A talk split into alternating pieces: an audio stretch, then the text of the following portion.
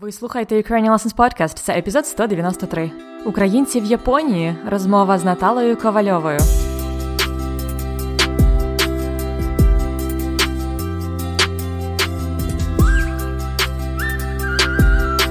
Привіт-привіт! Це Анна Огойко і п'ятий сезон подкасту Уроки української. Це подкаст для всіх, хто вивчає і любить українську мову.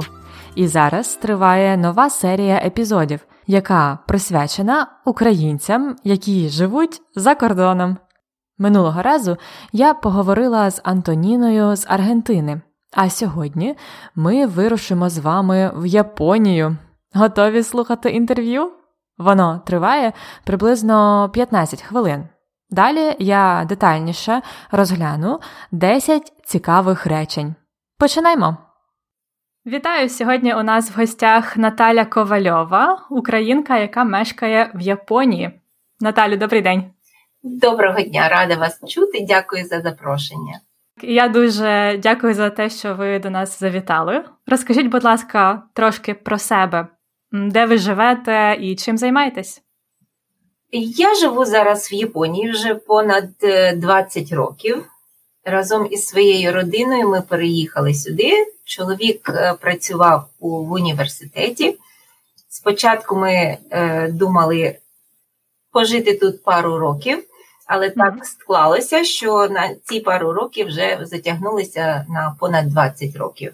Е, Чоловік працював в університеті. Зараз він працює як інженер в японській компанії, а я працюю за фахом, я вчитель. Е, вчитель з іноземної мови і біології, але е, тут знайшла себе як вчитель іноземної мови і української мови, тому що, як виявилося, японці теж трошки цікавляться українською мовою.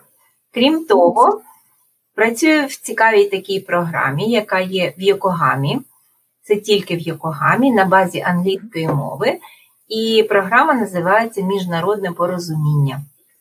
Це е, програма для дітей молодшого віку з першого по шостий клас, молодша школа, де ми викладаємо із своїми колегами українську культуру японською мовою. Тобто, я так розумію, це для дітей різних національностей, так? Для японців це, також? Це звичайна японська школа. Ага. І запрошували раніше запрошували вчителів з різних англомовних країн, а потім ця програма переросла в міжнародне порозуміння. Крім англійської мови, англійською мовою вчителі викладають культуру своєї країни. І ось ми з колегами викладаємо українську культуру. Це стосується це теми різні. Ми говоримо про школу, про е, те, як живуть люди в Україні, про нашу культуру. Складаємо програму самі, і японці, молодша школа з першого класу по шостий дізнається про Україну все більше і більше. Ого, дуже цікаво. Я бачила щось таке у вас на сторінці фотографії дітей. Вони там займаються різними такими активностями. Так, там є якісь також практичні завдання які ви даєте, чи тільки лекції? Ні, це інтерактивні уроки. Ми робимо інтерактивні уроки, організовуємо їх простою, дуже простою англійською мовою, щоб діти могли зрозуміти. Багато е, малюнків, е, відео можуть бути. Крім ага. того, у нас є в, в Японії є українська школа, називається джерельцем, працює вже понад 9 років, і діти змішаних сімей е, вивчають українську мову, також нашу культуру, святкуємо різні події, свята, дізнаються діти далеко від України, але вони дуже добре розуміють і розмовляють українською мовою, беруть участь у наших заходах, які ми організовуємо. Їм дуже цікаво, нам також. Дуже цікаво. А скільки приблизно дітей навчається в школі? В цьому році, в зв'язку з тим, що багато діток від'їхало і е, перейшли в старшу школу, і в зв'язку з своєю зайнятістю вони не можуть навчатися, то десь біля 30 дітей у нас, починаючи із 2 років і до 16 років. В школі є програма, яку ми розробили самі. Це, по-перше, розвиток мовлення. Друге це народознавство. Для маленьких дітей у нас є логіка, математика, рукотвори. Старші діти люблять займатися чимось таким майструвати, робити щось е, пов'язане із українськими ремеслами. А також маємо театральну студію, хореографію, і діти навчаються в цих гуртках і на наших уроках. А як розкажіть, е, дітям дається вивчення української мови? Мені здається, що може бути трошки складно, оскільки такі різні мови: японська, українська. Е, дітки це змішані сім'ї, тобто хтось із батьків обов'язково говорить українською мовою. Так. Але ви праві, дітки навчаються у основному це міжнародні школи або японські школи, і основне середовище у них це японське середовище або англійськомовне, англомовне середовище. Вони розмовляють англійською мовою. Тобто діти мінімум як трьохмовні у нас. І українська мова це не є для них першою мовою, оскільки вони нею спілкуються тільки зі своїми батьками або в нашій школі. Через те ми виробили для себе таку програму, щоб діти через мистецтво, через театр, через вірші, через ті діалоги, казки, вони більше спілкувалися українською і краще навчалися, краще запам'ятовували українську лексику. А розкажіть, ви берете участь у діяльності школи, мабуть, також знайомі з багатьма українцями в Японії. Наскільки активна і велика спільнота українців? Спільнота українців в Японії невелика. Нам цього не вистачає, нам не вистачає людей. Але ага. у нас зібралася дуже активна, цікава команда, ініціативна, і ми дуже багато часу витрачаємо на ті заходи, які ми організовуємо. Нас мало, але ми всі стараємося гуртуватися і робити цікаві якісь справи. В першу чергу, щоб це було цікаво нам і цікаво нашим друзям-японцям. Ми організували багато і фестивалів, багато культурних заходів. Е, японці з задоволенням приходять до нас, хочуть дізнаватися більше через такі заходи про Україну, дізнаватися про е, українців про наші традиції, про те, як у нас проводять якісь організовуються свята, як це відбувається. Їм це все цікаво. Їм цікаво. Можете, вибачте, переб'ю Прошу. навести кілька, кілька прикладів подій, які ви проводили. Цікаво. Остання подія це було Українське Різдво. Дводенний фестиваль, на якому е, організовували різні майстер-класи, розмальовували пряники. Організована була кухня, де японці вчилися готувати наші традиційні українські страви, які готуються на Різдво. Готували борщ, готували кутю, готували зрази, готували інші такі відомі страви, ті, що відомі для нас, але не відомі для японців. Організований була виставкова кімната, де був прикрашений стіл, накритий стіл із нашими з дідухом з рушниками. Крім того, один день був е, в одній виставковій кімнаті. Діти, маленькі діти, зустрічалися з Святим Миколаєм. Вони йому розповідали вірші, Святий Миколай розказав їм казочку, і це було також цікаво. Погралися разом. Це був такий е, цікавий фестиваль, тому що японці захотіли ще більше дізнатися Деякі з них почали вивчати українську мову. Завітали на цей фестиваль японці, які були в Україні, які деякий час жили в Україні. Їм було приємно зустрітися з українцями, приємно було поговорити українською мовою. Є японці, які вивчали і в Україні українську мову. Вони практикували на нашому святі те, що вони вивчали в Україні, а тут мають мало менше практики. Це було дуже весело. Класно, класно. А в якому місті це відбувалося? Це все в Токіо, в центрі, де у нас проходить, де у нас організована українська школа, де ми навчаємося, де проходять класи української мови. Нещодавно ми е, теж цікавий проєкт, який ми зробили для японців, оскільки ми також пристосовуємося до тих е, нинішніх умов. Е, в цьому році ми вирішили організувати святкування 150-річчя Лесі Українки і був записаний спектакль за мотивами лісової пісні. Діти чудово справилися з завданням, як я вважаю. Їм було цікаво. Ми зробили відео і для японців е, з е, субтитрами. Чудово.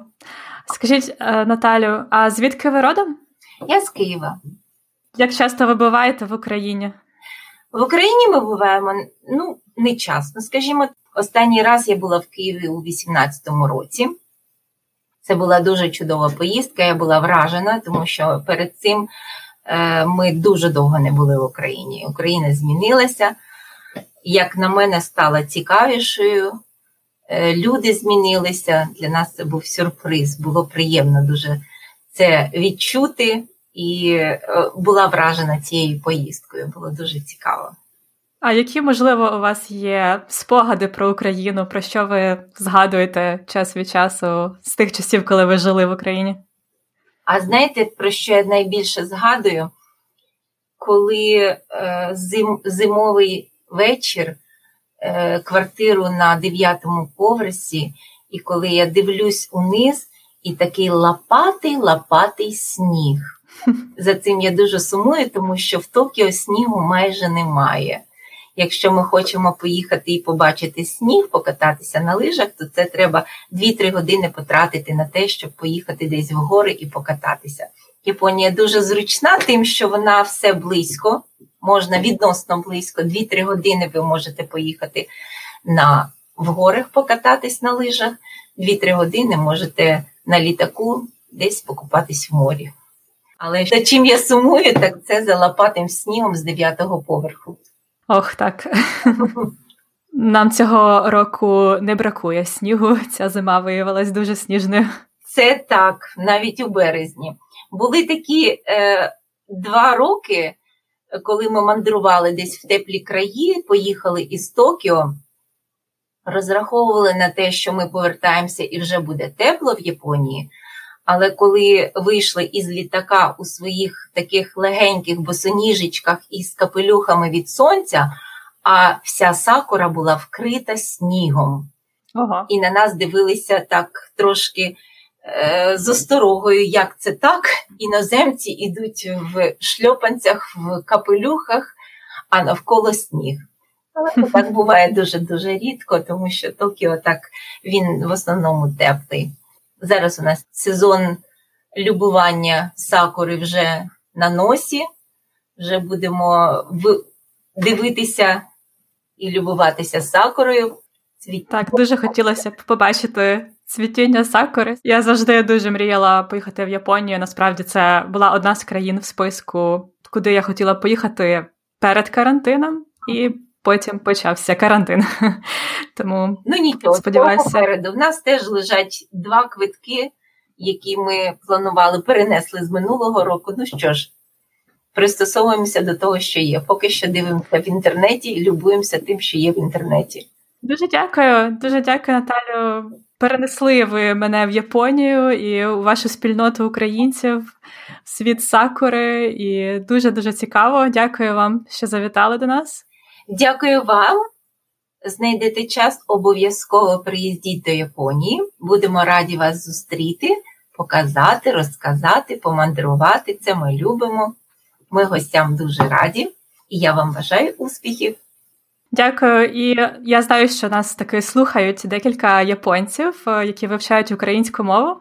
Тому я залишу посилання на вашу організацію та як можна знайти більше інформації про діяльність українців в Японії на сторінці цього епізоду. Дякую, Наталі. До побачення. До побачення. Всього найкращого.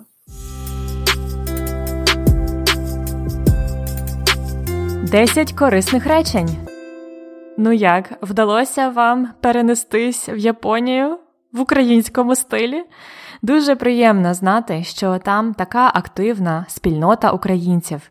А зараз розгляньмо 10 цікавих речень, які сказала Наталя детальніше. Слухайте перше. Спочатку ми е, думали пожити тут пару років, але так склалося, що на ці пару років вже затягнулися на понад 20 років. Так склалося, що на пару років, тобто поїхати пожити в Японії на пару років, Пара це кілька, два чи трохи більше, ніж два. Так от, ці пару років розтягнулися, тобто стали довшими, більшими. Одяг, наприклад, може розтягуватися, тоді він стає більшим, тканина розтягується. Також можна розтягуватись, коли ви займаєтесь спортом, розтягувати м'язи. Отже, пару років розтягнулися на понад 20 років, тобто більш ніж 20, понад 20 років. Повторіть. Так склалося, що на пару років вже розтягнулися на понад 20 років. Далі Наталя розказувала трохи про свою професію. Вона сказала: А я працюю за фахом, я вчитель. Працювати за професією або працювати за фахом це робити те, що людина вчилася робити, наприклад, в університеті.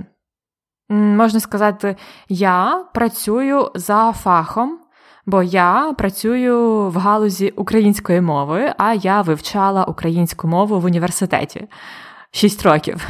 Тому українська мова, філологія, лінгвістика це мій фах або моя професія. І я працюю за фахом.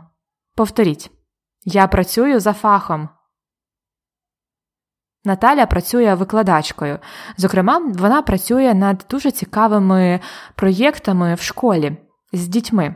Вона розповідає: в школі є програма. В школі є програма, яку вони розробили самі. Розробити це зробити щось серйозне, якийсь проєкт, якусь серйозну роботу. Наприклад, я розробляю матеріали для вивчення української мови. Це мої розробки. А вони розробили для дітей програму. І вони це зробили самі, тобто самостійно. Зверніть увагу, що ми говоримо самі у множині, бо це вони розробили самі, а може бути також сам, сама, саме, самі. Наприклад, я розробила цей подкаст сама, ну, принаймні спочатку. Повторіть ще раз речення. В школі є програма, яку ми розробили самі. Далі Наталя більше розповідала про школу. Старші діти люблять займатися чимось таким майструвати, робити щось е, пов'язане із українськими ремеслами. Вона каже, що старші діти, тобто старшого віку, не молодші, вони люблять займатися. І далі орудний відмінок. Займатися чим? Займатися чимось таким, щось таке, це something like that, щось таке, а в орудному буде чимось таким. Вони люблять займатися чимось таким, майструвати, тобто робити речі своїми руками, робити щось пов'язане з українськими ремеслами. Ремесла це crafts. Українські ремесла, наприклад, це писанкарство, вишивання і так далі. Повторіть повністю речення. Старші діти люблять займатися чимось таким. Майструвати, робити щось пов'язане з українськими ремеслами. Далі Наталя розповідала про українську спільноту в Японії. Вона сказала: Нас мало, але ми всі стараємося гуртуватися і робити цікаві якісь справи. Нас мало, небагато. Нас від ми. Але ми всі або всі ми стараємось або намагаємось, тобто робимо все, стараємось, щоб гуртуватися. Гурт це об'єднання людей. Ви знаєте, може, музичний гурт. А гуртуватися це триматися разом, бути разом, не забувати одне про одного. Повторіть, Нас мало, але ми всі стараємось гуртуватися. Наталя з українцями проводили український фестиваль на Різдво. Там також був Святий Миколай. Діти, маленькі діти, зустрічалися з Святим Миколаєм. А. Вони йому розповідали вірші. Святий Миколай розказав їм казочку. Святий Миколай це важлива частина української культури. Він приносить діткам подарунки 19 грудня. Так от, на святі він розказав дітям казочку. Казка це така фантастична історія для дітей. A fairy tale. Казка. Казочка це маленька казка. Розказати казочку або розказати казку. Повторіть. Святий Миколай розказав їм казочку. Наталя далі пояснювала, що зараз у часи коронавірусу ситуація трошки змінюється. Нещодавно ми е, теж цікавий проєкт, який ми зробили для японців, оскільки ми також пристосовуємося до тих е, нинішніх умов. Вони пристосовуються до нинішніх умов. Пристосовуватися це змінюватись, але зазвичай змінюватись вимушено. Не тому, що ти хочеш це робити, а тому, що так треба пристосовуватись to adjust, пристосовуватись до нинішніх умов. Нинішній це від слова нині. Нині це зараз, тепер. А нинішній це теперішній або сучасний. Пристосовуватись до нинішніх умов. Повторюйте. Ми також пристосовуємось до нинішніх умов. Я спитала Наталю про її спогади з України. Вона згадала щось дуже особливе. Коли е, зим, зимовий вечір, е, квартиру на дев'ятому поверсі, і коли я дивлюсь униз, і такий лопатий лопатий сніг. Лопатий це той, що має великі лапи, тобто ноги у тварин, наприклад, собаки мають лапи. Але також ми говоримо саме це слово лопатий про сніг.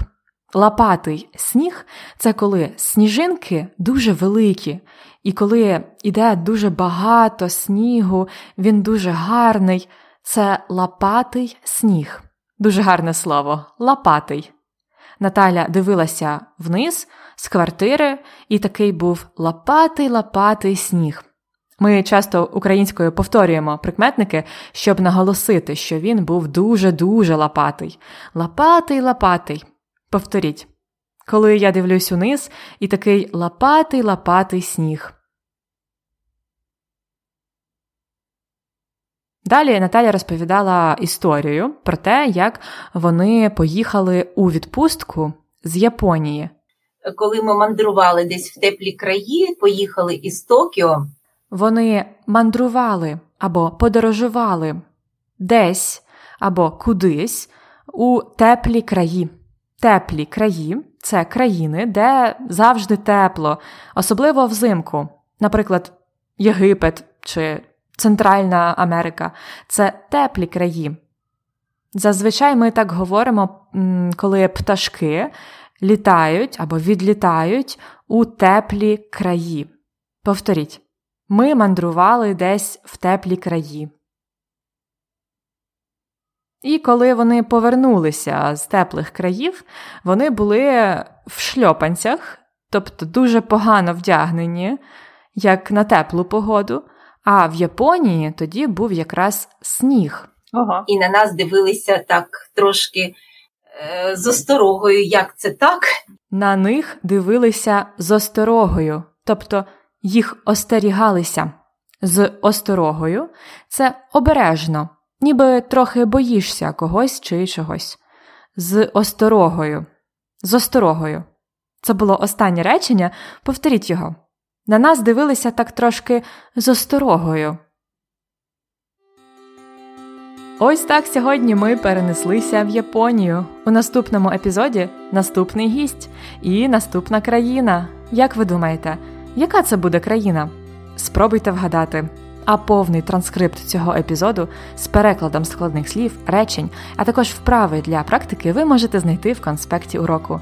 Більше про те, як отримувати конспекти, дізнавайтеся на сторінці епізоду ukrainianlessons.com риска епізод 193 ukrainianlessons.com slash episode 193 Всього вам найкращого! До побачення!